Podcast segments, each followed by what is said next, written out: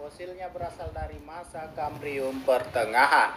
Maksud dari masa Kambrium sendiri adalah periode pada skala waktu geologi yang dimulai pada tahun sekitar 542 kurang lebih 1,0 juta tahun yang lalu di akhir eon Proterozoikum dan berakhir pada sekitar 488,3 kurang lebih 1,7 juta tahun yang lalu dengan dimulainya periode Ordovisium.